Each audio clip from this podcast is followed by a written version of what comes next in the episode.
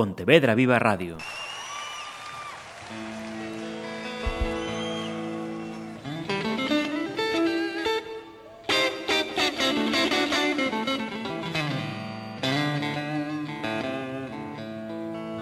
La trastienda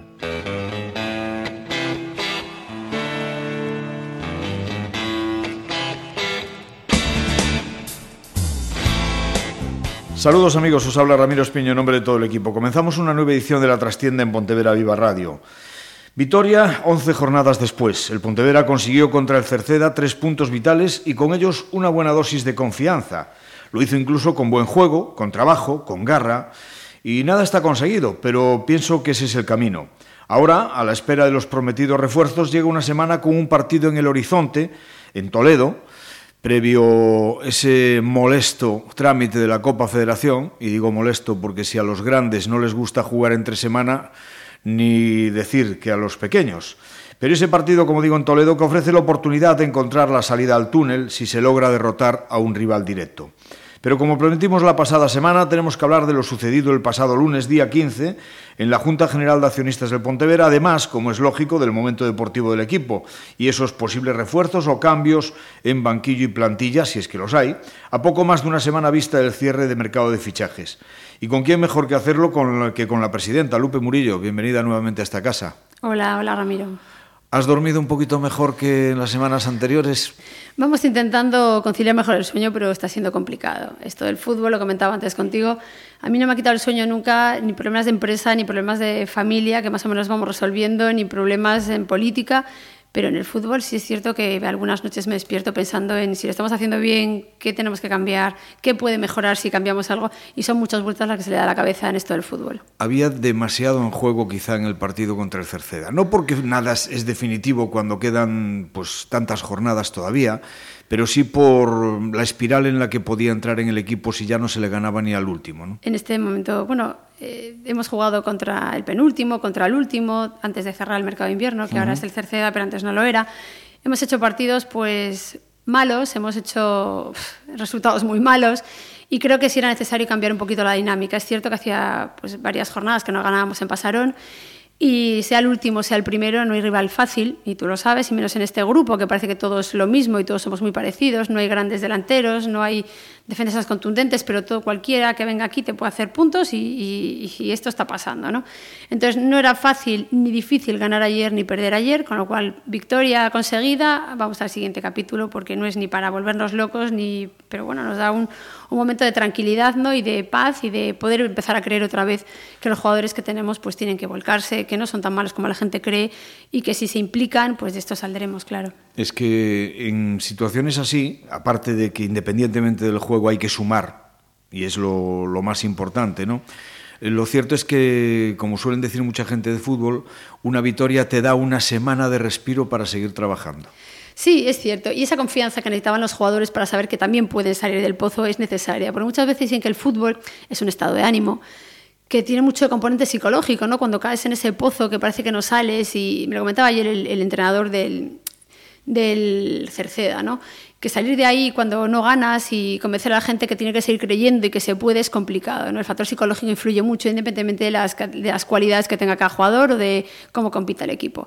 Si no eres capaz de arrancar esa cabeza a esos jugadores que ven que lo intentan cada domingo y no sale, porque lo hemos estado viendo durante la primera vuelta, ¿no? y no sale, y vuelves a intentarlo y vuelve a no salir, se desmotivan y empiezan a no creer. Y esa es la mayor, el mayor problema que puede tener el equipo, ¿no? que no crea. Fíjate si es importante lo psicológico, que ayer, hasta que consiguió Marcos Álvarez marcar, temblaban como flanes y a partir de ahí todo el mundo quería pelota.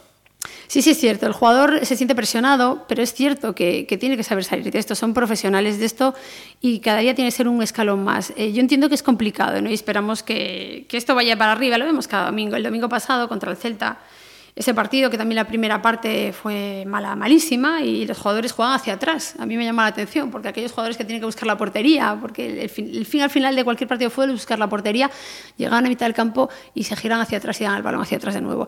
Y así cada vez. Y esto en la primera parte, en ese primer partido contra el Celta, el primer partido de la primera vuelta. La segunda parte fue diferente los jugadores ganaron confianza, la afición se empezó a entregar y ya vibrábamos todos pensando que efectivamente ese partido que empezó tan mal podíamos ganarlo. ¿no? Y eso, de eso se trata, de, coger confianza, de soltarse y saber jugar al fútbol, que creo que todos ellos saben jugar al fútbol. y estamos hablando de lo deportivo antes de entrar, como decíamos, en lo ocurrido en la Junta de Accionistas y en el día a día del club y demás. ¿Preocupación o confianza ante lo que queda por delante? O quizá ambas cosas.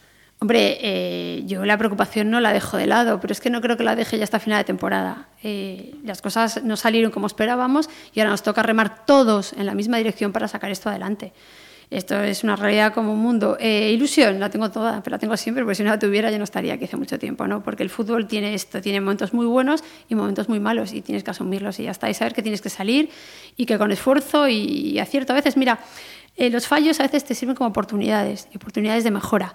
Es cierto que desde que llegué a la presidencia de este club, todo ha ido hacia arriba. Empezamos en tercera, jugamos un playoff y ascendimos, quedamos novenos, la siguiente temporada jugamos un playoff, quedamos cuartos, jugamos un playoff a segunda división y esta es la primera vez en estas, esta es la cuarta temporada mía, en donde parece que lo que hemos hecho hasta ahora no funcionó. Entonces ahora es cuando toca pues bueno, ver que, en qué hemos fallado para que nos empiece a ir bien otra vez. Y remontar y seguir con la misma ilusión y saber que esto se puede y que esto es fútbol.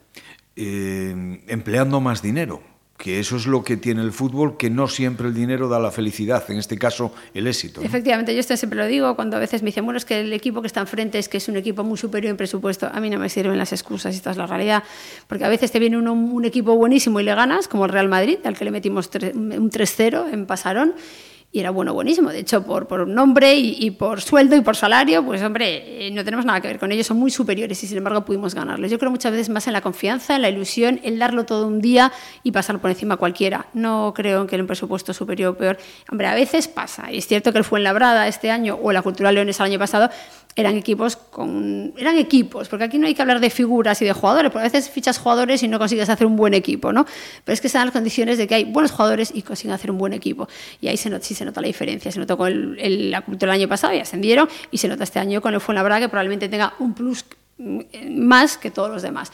Pero a mí, a mí lo de las excusas es que, es que el, que está enfrente tiene un presupuesto mucho mayor, a mí no me sirve. Porque también se puede perder con uno que tiene un presupuesto mucho peor, como ya lo hemos visto. Resumen, hay que darlo todo en el campo, hay que creer, hay que tener muchísima ilusión y hasta el minuto 95, porque hemos perdido hasta 12 puntos en el descuento, pensar y soñar con que se pueden ganar los partidos.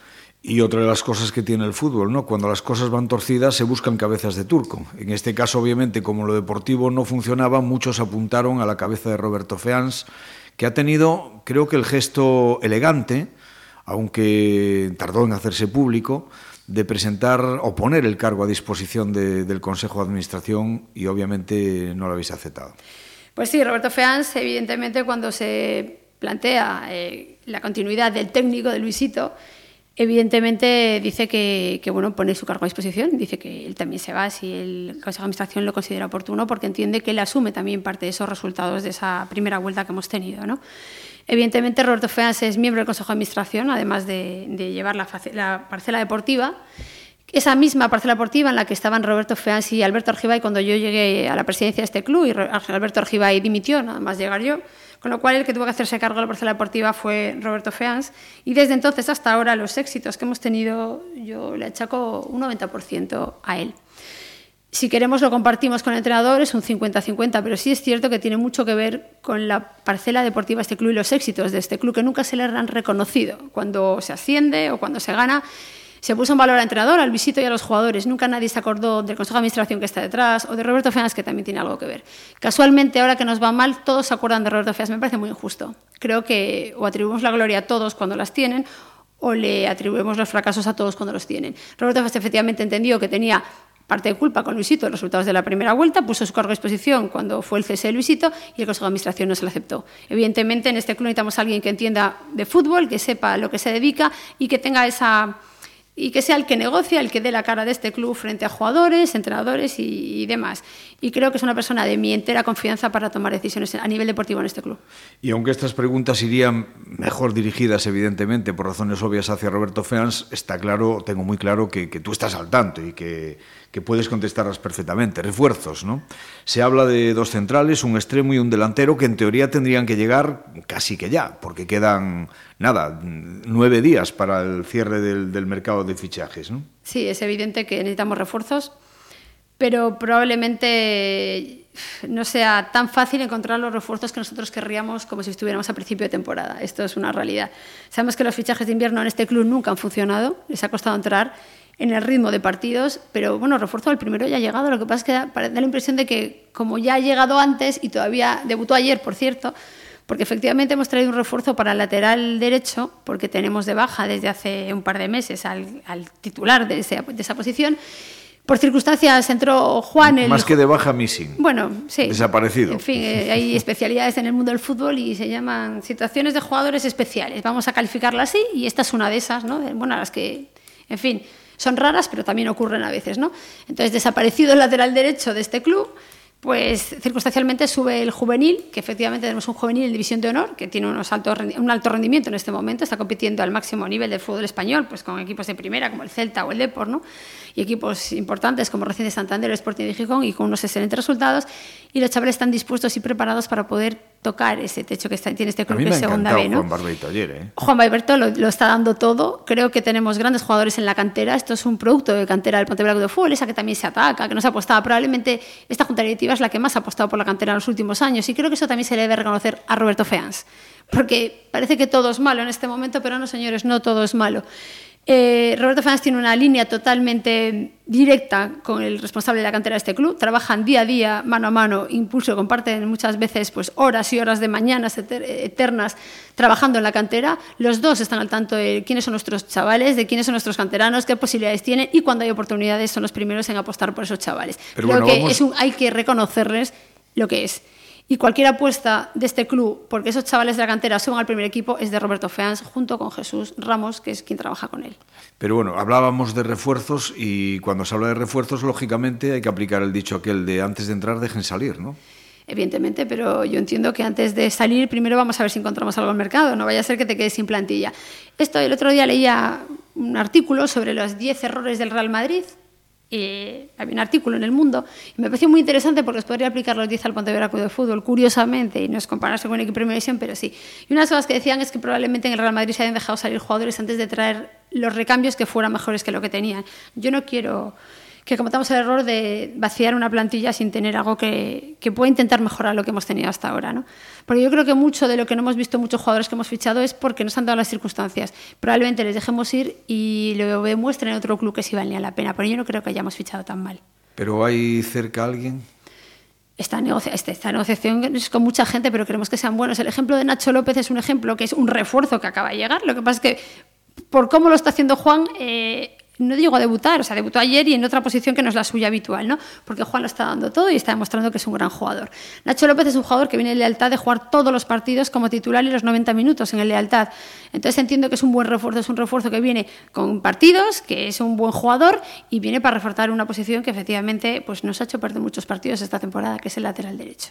O sea, que no te saco nada sobre Mm, Entonces, quién es el, primero el que va a primer llegar. refuerzo es Nacho López, lo acabáis de ver, debutó.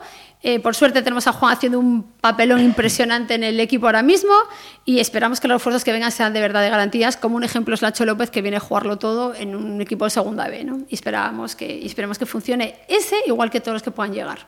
Bueno, entramos en la Junta de Accionistas. Eh, tensa, por momentos, con una oposición que a mí particularmente me dejó la impresión de estar en la inopia, además de no dar la cara más que a través de mandados.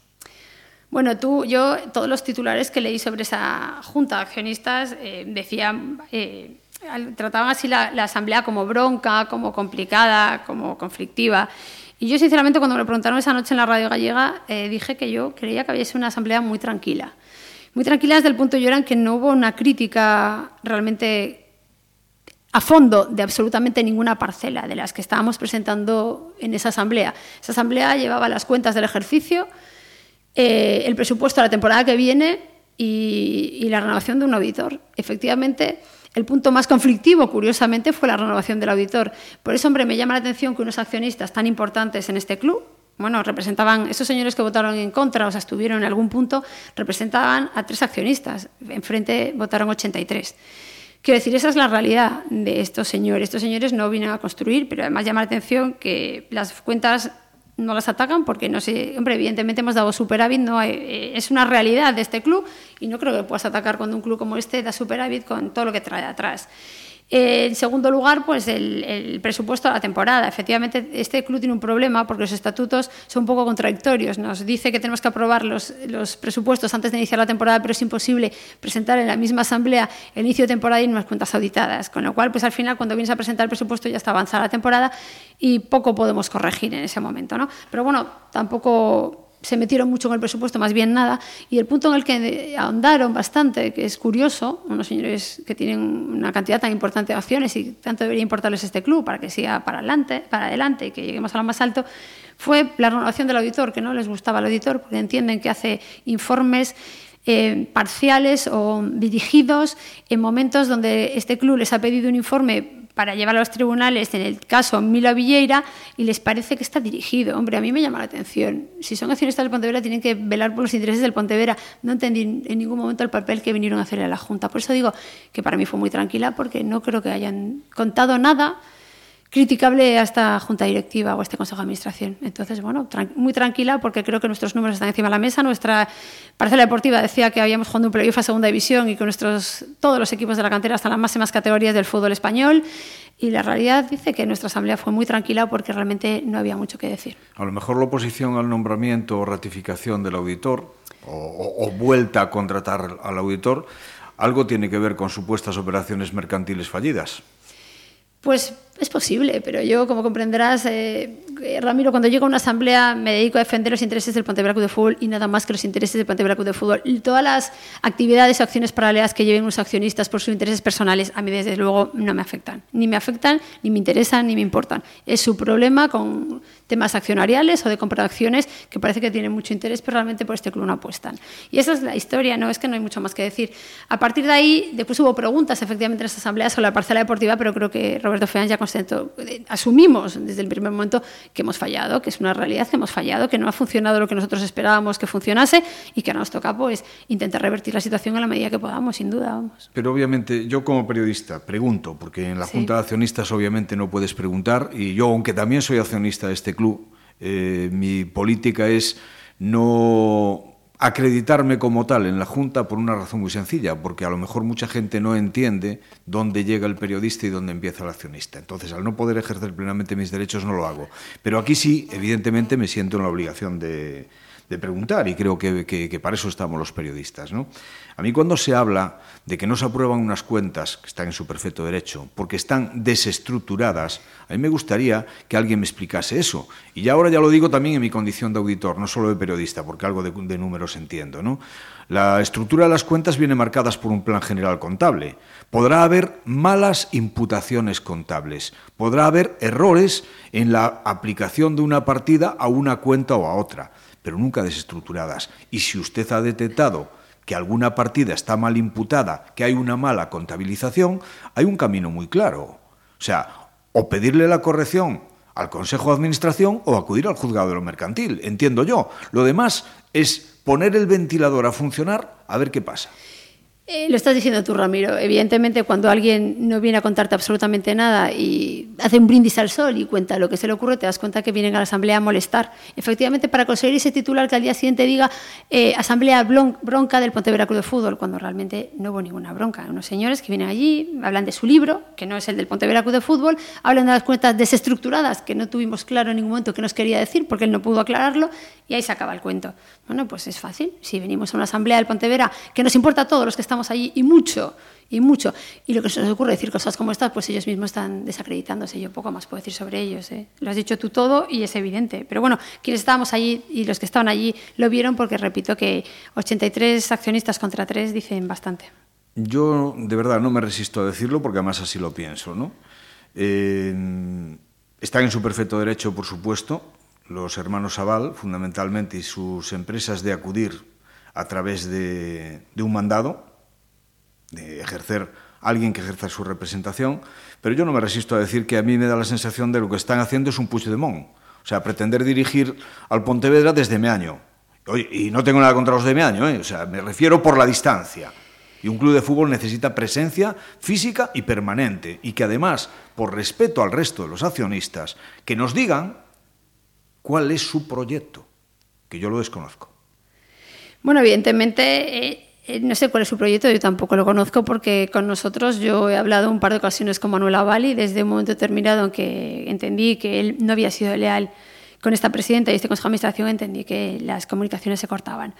Él sabe perfectamente que se le han abierto las puertas para que viniera a aportar este club, pero nunca le ha interesado. Entonces, cuando tú vienes y lo primero que haces poniendo un pie en este club es intentar cargarte al Consejo de Administración, que ha demostrado durante estos años que ha intentado hacer las cosas con muchísima ilusión, con muchísimo trabajo y sacando un problemón que tenía este club adelante, creo que lo mínimo que puede hacer es ser agradecido. Porque lo que antes valía menos 8.000, hoy vale más de medio millón de euros. Y creo que también es mm, de bien nacido ser agradecidos. Y la gestión que estamos haciendo al frente de este club, altruistamente, creo que es de valorar. Y es de valorar porque le va también en su dinero y en sus acciones y en lo que, vale, lo que, lo que tenían y lo que tienen. Y como mínimo ser agradecido y por lo menos no venir a molestar. Esa es la recomendación que yo les haría, porque ya era un montón de, perdamos la ilusión, perdamos las ganas y bueno, lo que tendrán, pues a lo mejor no vale nada tener que venir ellos a trabajar y trabajar con ganas y conociendo el tema, porque yo creo que desde mi año poco se conocí de fútbol menos. A mí particularmente me sorprende eh, un tema por encima de todos, ¿no? al margen de, otras cuestiones, que es que hace un año, más o menos, ellos solicitan en la Junta de Accionistas eh, cuatro eh, puestos en el Consejo de Administración, a los que incluso particularmente, y no, yo no soy abogado, pienso que podrían tener derecho por su porcentaje de acciones, en cualquier caso sería un tema discutible o debatible, Pero, obviamente, en aquel entonces no había puestos libres, se le contestó que cuando hubiese vacantes podrían optar a ello. Un año después, queda un puesto vacante por cumplimiento de mandato, digamos, o de, de, de ciclo de Luis Durán, se vuelve a presentar Luis Durán, pero ellos no presentan candidato alternativo. No. No lo entiendo. Bueno, es un poco incongruente. Pero bueno, evidentemente no tendrían pensado qué candidato alternativo podrían sugerir o simplemente entendieron que no tenían nada mejor que presentar que lo que teníamos en ese momento, que era la candidatura de Luis Durán. A lo mejor entendieron eso, que la mejor opción para seguir este Consejo de Administración con este grupo de personas que estamos hace tres años era Luis Durán. A lo mejor es que entendieron eso y por eso no presentaron a nadie mejor. Bueno, de la otra postura crítica dentro del propio Consejo, la de Alberto Argibay, de alguna manera ya has hablado antes de refilón, a mí particularmente, eh, respetando evidentemente todo lo que dice cada uno en el momento en el que lo dice y demás, creo que alguien que está en el Consejo donde tiene que hablarlo es en el Consejo. Pues sí, hombre. En fin, yo entiendo que Alberto Argibay, que como repito, nada más llegar yo a la presidencia, él forma parte de la Comisión Deportiva junto con Roberto Feans, presenta su dimisión a ese cargo, de, pertenece a la Comisión Deportiva y desde ese momento yo pues evidentemente tengo que ponerme a fichar porque nos quedan 15 días para empezar una temporada. Roberto Feas era el personal que estaba allí y fue con quien tuve que fichar todo ese equipo que al final ascendió y, fue campeón de liga y ascendió. Roberto, Alberto Argibay se apartó y se apartó desde el minuto uno.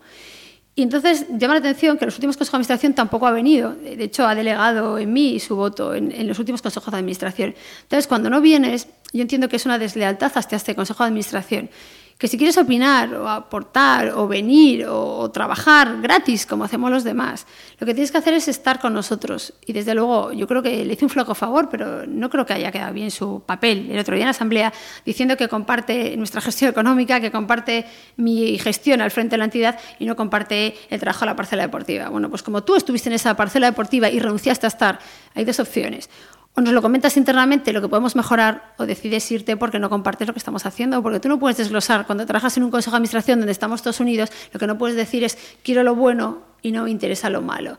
Chicos, estamos todos en el mismo barco.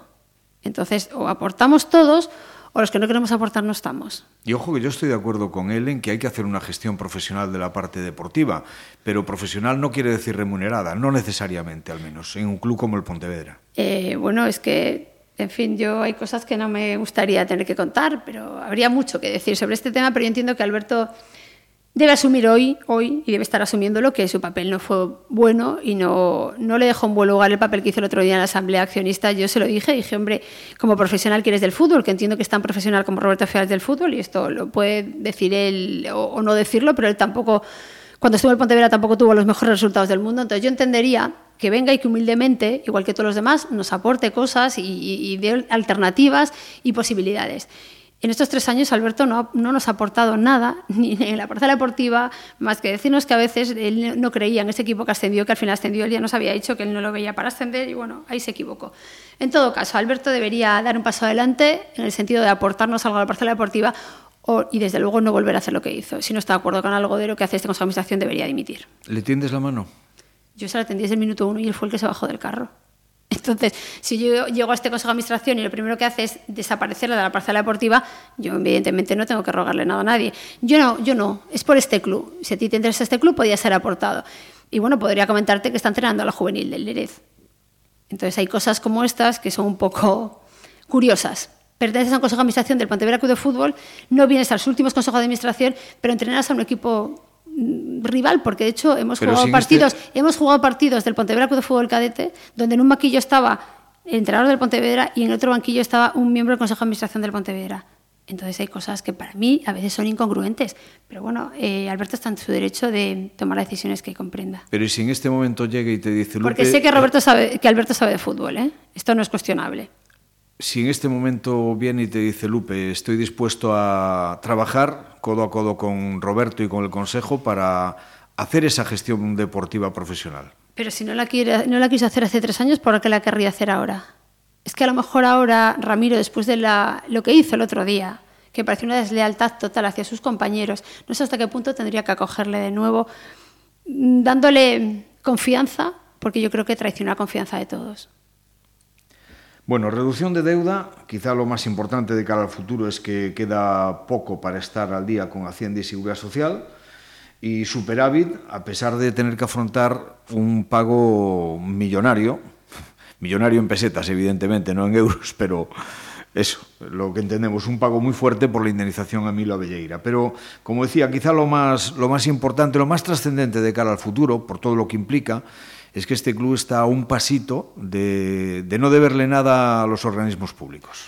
Sí, eh, en octubre de este año cancelamos ya la deuda del pasado con la Seguridad Social y me parece que es el año que viene, en esa misma época, eh, cancelamos el pago a la Administración Hacienda, Administración Pública importante, que Hacienda somos todos y acabamos de pagar esa importante deuda que viene del pasado.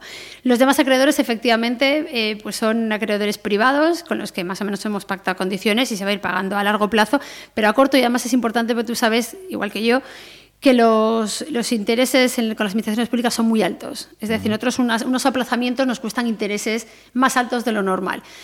Eh, entonces nos interesa cuanto antes cancelar esas deudas porque son las que efectivamente nos, supera, nos suponen alrededor de 10.000 euros al mes de deuda del pasado que estamos asumiendo cada mes, que es importantísimo para poder hacer fichajes, para poder tener una ciudad deportiva, para poder hacer más cosas que este club se merece tener y que con una buena gestión creo que podríamos tener en poco tiempo. Con ese dinero se traen dos o tres jugadores de buen nivel.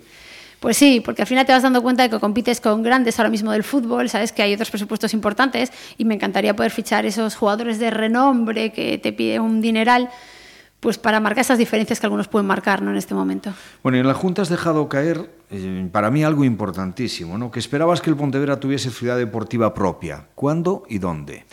Pues evidentemente, si te das cuenta, yo he estado en una junta directiva, en un consejo de administración, en donde se había comprado unos terrenos. Y se hizo una presentación preciosa. Sí, sí, sí. Pero para virtual, una claro. Ciudad deportiva pero efectivamente pues no se pudo dar. Yo, cada uno tiene su opinión de por qué eso no llegó a buen puerto, pero bueno, vamos a dejarlo en el pasado, porque a mí no me gusta mirar hacia atrás lo que realmente nos, nos arrastra. ¿no? Me gustaría mirar al futuro. Y sí entiendo que el Pontevedra, por circunstancias, y pues lo vemos cada domingo, lo vemos cada fin de semana, lo veo cada semana, donde nos dedicamos a buscar campos de fútbol por toda la provincia para poder entrenar, incluso en el, con el primer equipo, eso lo comentaba el otro día en la asamblea que el Pontevedra de Fútbol de Segunda División B esté entrenando en la Junquera en medio campo y en el otro medio campo esté el Indepo, el, el, el me parece, el infantil del Indepo con ocho niños, pues lo dice todo. Estas son nuestras condiciones para entrenar. Y evidentemente, pues no son las mejores, porque efectivamente nos encantaría estar entrenando en un campo de tierra, porque después ayer lo vimos en Pasarón, jugar en Pasarón con un campo pesado como estaba, pues no corre el balón igual, no circula igual, daríamos un campo de tierra para entrenar, que no tenemos. A veces nos dejan el de Moraña, a veces nos dejan el de Cambados, de hierba, de hierba, el de Cambados, el de Moraña, el de Pollo, pero en este momento no podemos usar el de Pollo pues, porque están arreglando y todo esto. Con lo cual, pues tenemos dificultades para poder entrenar en las mismas condiciones que tenemos en Pasarón.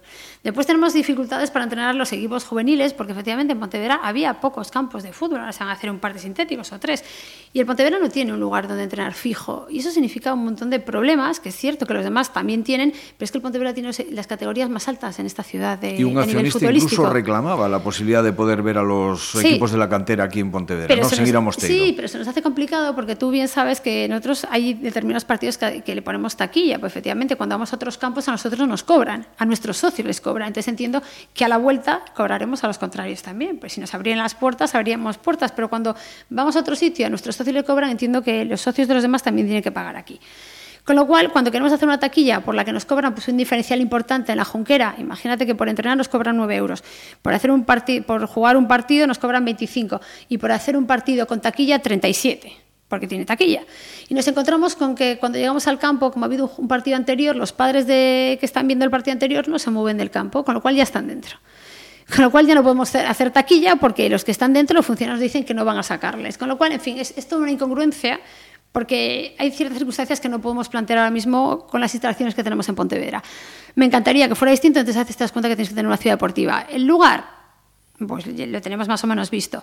El dinero es importante. Eh, tenemos que conveniar pues, con el ayuntamiento, con la diputación, o incluso buscar financiación externa, que tendremos que buscarla, pero bueno, a veces compensa, porque alrededor de, pagamos alrededor de 10.000 euros al año, 9.000 al IMD por utilización de campos en la ciudad de Pontevedra. ¿Pero sería en el Concello de Pontevedra? Sí, debería ser. Yo entiendo que debería ser en el Concello de Pontevedra, somos el equipo de la ciudad, ¿no? O sea, que el lugar lo tienes más o menos decidido más o y menos apalabrado. Más o menos visto. Eh, lo que pasa es que, bueno, son las circunstancias económicas esas que, que siempre vas pensando, y como dije yo cuando llegué, que no quiero dejar un euro más de deuda en este club de la que me encontré, no querría hacer eso. Entonces prefiero limpiar deuda del pasado, saber lo que puede generar este club de verdad, sin que nadie se lleve nada, sin que nadie se lleve nada del club, sino que todo y cada un céntimo que se genere se invierta en este club y que podamos tener una ciudad deportiva como tienen otros equipos grandes.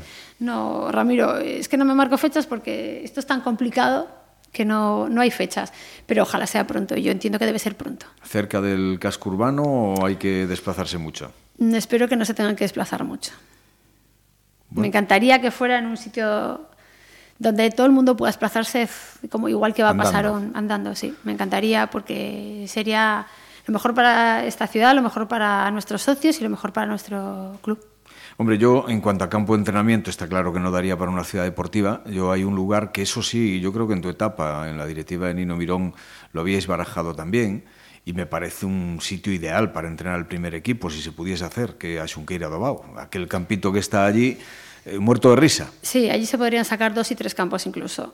Pero yo repito, me encantaría tener un campo de hierba natural para que el primer equipo pudiera entrenar de verdad en unas condiciones similares a las de Pasarón. Pero eso nos, condiciona mucho. Y nos condiciona mucho por la zona que sea, por la capacidad de drenaje que tenga esa zona. O sea, hay un montón de condiciones a nivel de campos de hierba natural. Y sabes que el mantenimiento es caro. ¿Qué pasa? Pues nos encantaría, pero al final a lo mejor te tienes que ir pues, a uno natural o dos sintéticos, no lo sé. Pero vamos, que me encantaría y que sea pronto, sí, que buscaré todas las alternativas posibles para que antes de que me vaya hoy a la presidencia podamos empezar a ver algo de luz, en tener un campo propio y donde poder entrenar y donde poder tener a nuestros chavales y que salga uno tras de otro y que veamos a todos los granates en el mismo sitio. Es una visión que tengo y que espero que se cumpla. Y la gestión está yendo bien para poder hacerse. Me encantaría que lo viéramos todos. ¿Esa podría ser la zona elegida? Podría ser, Ramiro al menos para una mini ciudad deportiva, aunque no fuese. No, no, muy mini, muy mini, porque tú sabes que primero económicamente somos donde estamos donde estamos y, somos lo que somos, no somos ni el Depor ni el Celta y tenemos lo que tenemos. Y repito, no quiero endeudar al club. O sea, quiero hacerlo con ¿Has cabeza. hecho ya algún tipo de gestión? No sé si con Concello, con Costas, sí, bueno, con... Eh, las gestiones se han, están, ¿A quién corresponde? Las gestiones están hechas, pero si ahora no se está avanzando es porque tenemos que ver la situación económica del club y, actuar con cabeza, como hasta ahora hemos hecho en estos tres años. No te lo puedo contar, Ramiro, eh, porque hemos visto dos o tres ubicaciones. Eh, hay unas que nos gustan más que otras. En todo caso, eh, la ilusión la seguimos teniendo, ilusión por hacer un club grande y que dar un pasito más. ¿no? creo que este club se merece pues, tener unos dirigentes que apuesten por el club y solo por el club y que cada minuto de su vida velen por los intereses del Ponte de Fútbol, que creo que hace mucho tiempo que no lo hemos visto. Te manejas bien en los despachos, pero en el campo me da la impresión de que regateas mejor todavía. ¿eh?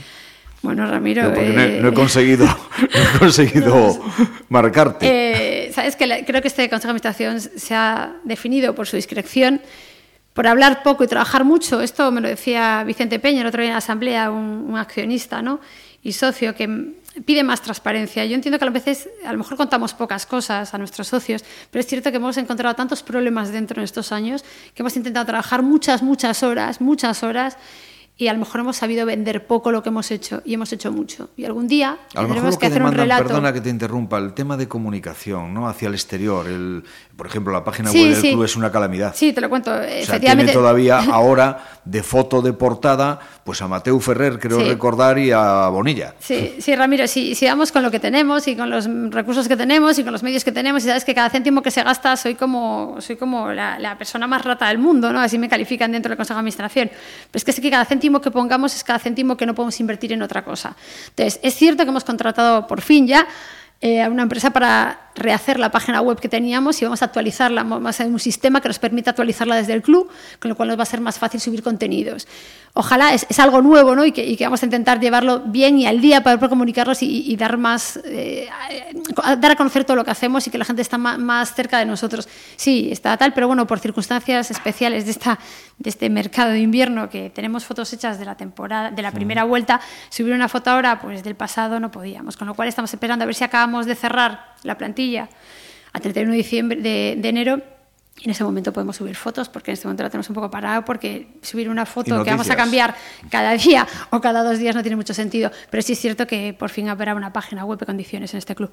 Es que fíjate lo, lo importante de, de, las nuevas tecnologías, ¿no? de las redes sociales, de, de las páginas web y demás, que clubs que hace nada competían con el Pontevedra, hablo del Leganés, por ejemplo, eh, son ejemplares en la gestión de redes sociales y han ganado aficionados fuera de, de, de, su zona, precisamente porque, hombre, yo sinceramente te lo digo, soy seguidor a ultranza del community manager de Leganés. Me parece un fenómeno el tío. Y, eh, y, eso yo creo que te da imagen, te da presencia, sí, te da. Sin duda. Te despierta simpatías por sí, el sí, resto del país. Sí, ¿no? sí, esperamos poder conseguir algo diferente, pero el Leganés tiene muchos más medios que nosotros, Ramiro. Yo es que me encantaría tener todos esos medios y, y que la gente se pusiera a trabajar con nosotros. Y lo hemos pedido siempre, que vengan a ayudar en vez de a criticar, que vengan a aportar en vez de a, a gritar cada domingo y Lupe vete ya, FEANS dimisión, eh, directiva dimisión. ¿Por qué no vienen a aportar? ¿Por qué no se ofrecen a trabajar gratis para el club? ¿Por qué no les acogemos todos en nuestro seno para que vayamos lealmente de la mano? ¿Por qué no? Entramos en otro no? punto clave, ¿no? Que además, no? al finalizar el partido de, contra el Cerceda, pues también hubo una anécdota desagradable, vamos a decirle así. Un lunar a corregir, obviamente, es lograr una mayor asistencia a Pasarón. Obviamente los resultados está claro que, influyen y mucho, ¿no? Y este año no han sido los deseados, de ahí también el descenso. Puede ser una de las razones. En este punto quiero hacer solo un inciso para referirme de pasada, porque creo que no merecen más, a media docena de elementos que en lugar de animar al equipo dan la nota al final del partido, exhibiendo un pedazo de tela para pedir, supongo, que la dimisión del Consejo. Algunos se olvidan que esto es una empresa, además de un club, o sea, no se dimite, se compra o se vende. Eh, lo hacen convenientemente, eso sí, protegidos por pasamontañas, porque ellos son así de valientes.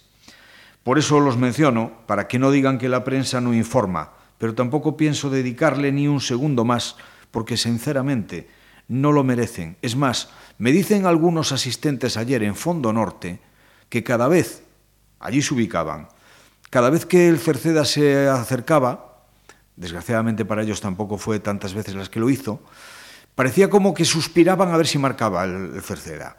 Y eso, sinceramente, no es afición. Eso es inquina, eso es algo que creo que está de más. Ellos no son la afición y no se representan ni a sí mismos. Porque la afición responde siempre en los grandes acontecimientos, aunque no tanto en, en el día a día. Pero la afición del Pontevedra ha demostrado que está muy por encima La mayor parte de las veces de este equipo que desgraciadamente en los últimos cuarenta y tantos años nos ha dado bastantes más tristezas que alegrías.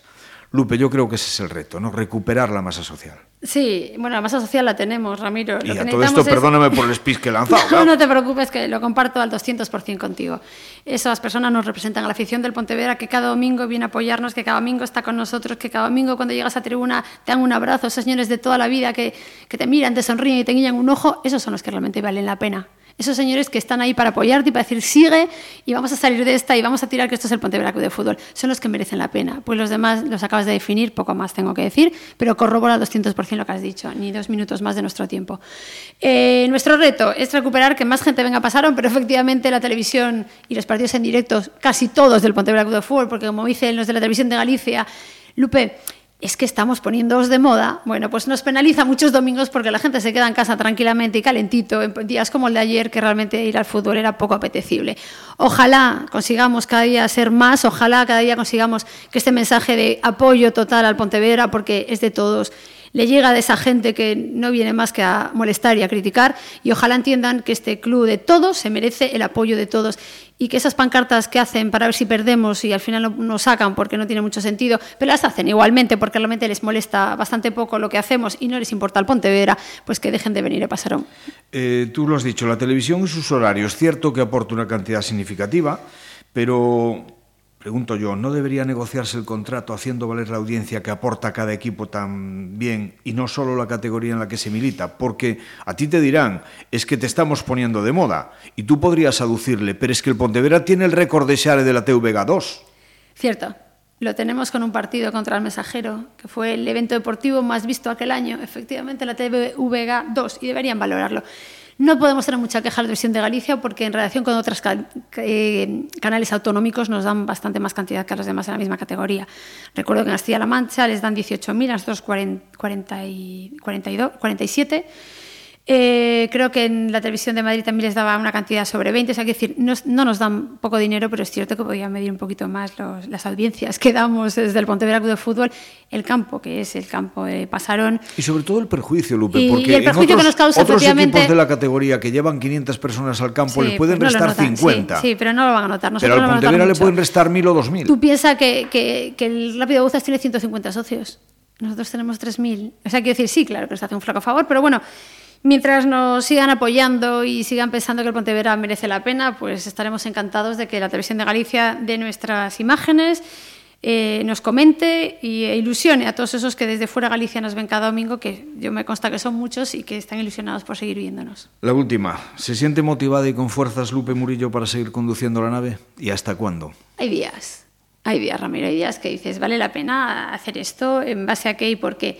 Pero como realmente a mí mi orgullo está por encima de todo esto, es muy difícil que alguien pueda vencerme si no estoy yo convencida de que tengo que irme. Tengo ilusión por hacer las cosas bien, que es claramente lo único que me importa, que las cosas se hagan bien por aquello en lo que creo. Yo creo en el Pontevedra Club de Fútbol y creo que se pueden hacer cosas muy bonitas desde nuestro club. Y voy a pelear por cada una de ellas. A mí no me va a, quitar, a matar mi ilusión dos tíos, señores de Cambados o tres encapuchados, sinceramente no. Creo que este, este club eh, está muy por encima de esas cosas y yo pelearé cada día mientras tenga fuerzas y gana ilusión porque todo siga adelante y salga adelante como lo hemos hecho hasta ahora, que creo que no hemos hecho nada mal. Ya me toca ponerme alguna medalla.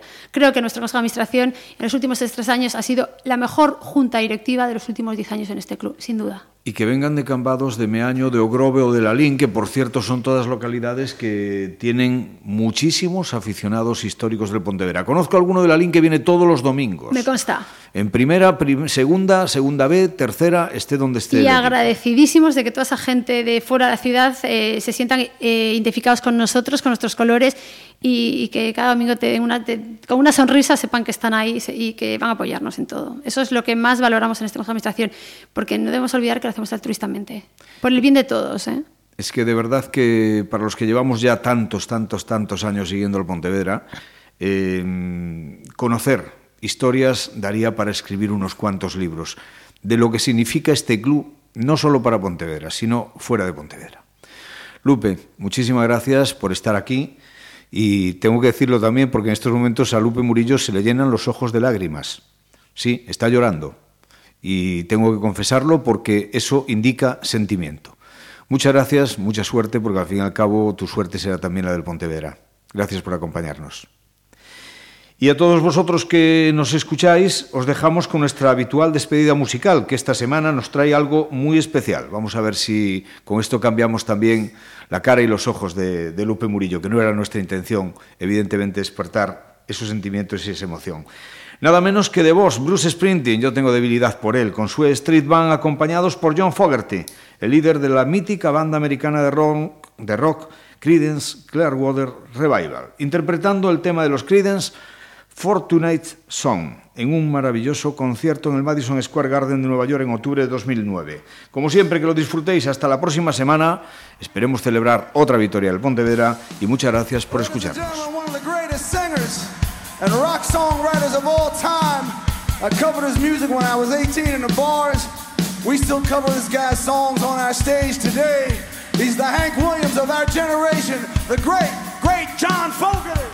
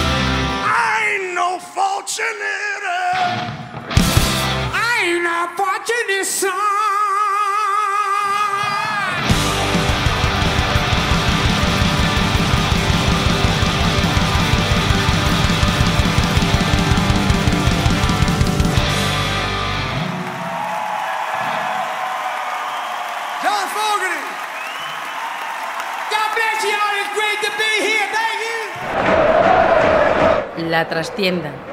Pontevedra Viva Radio.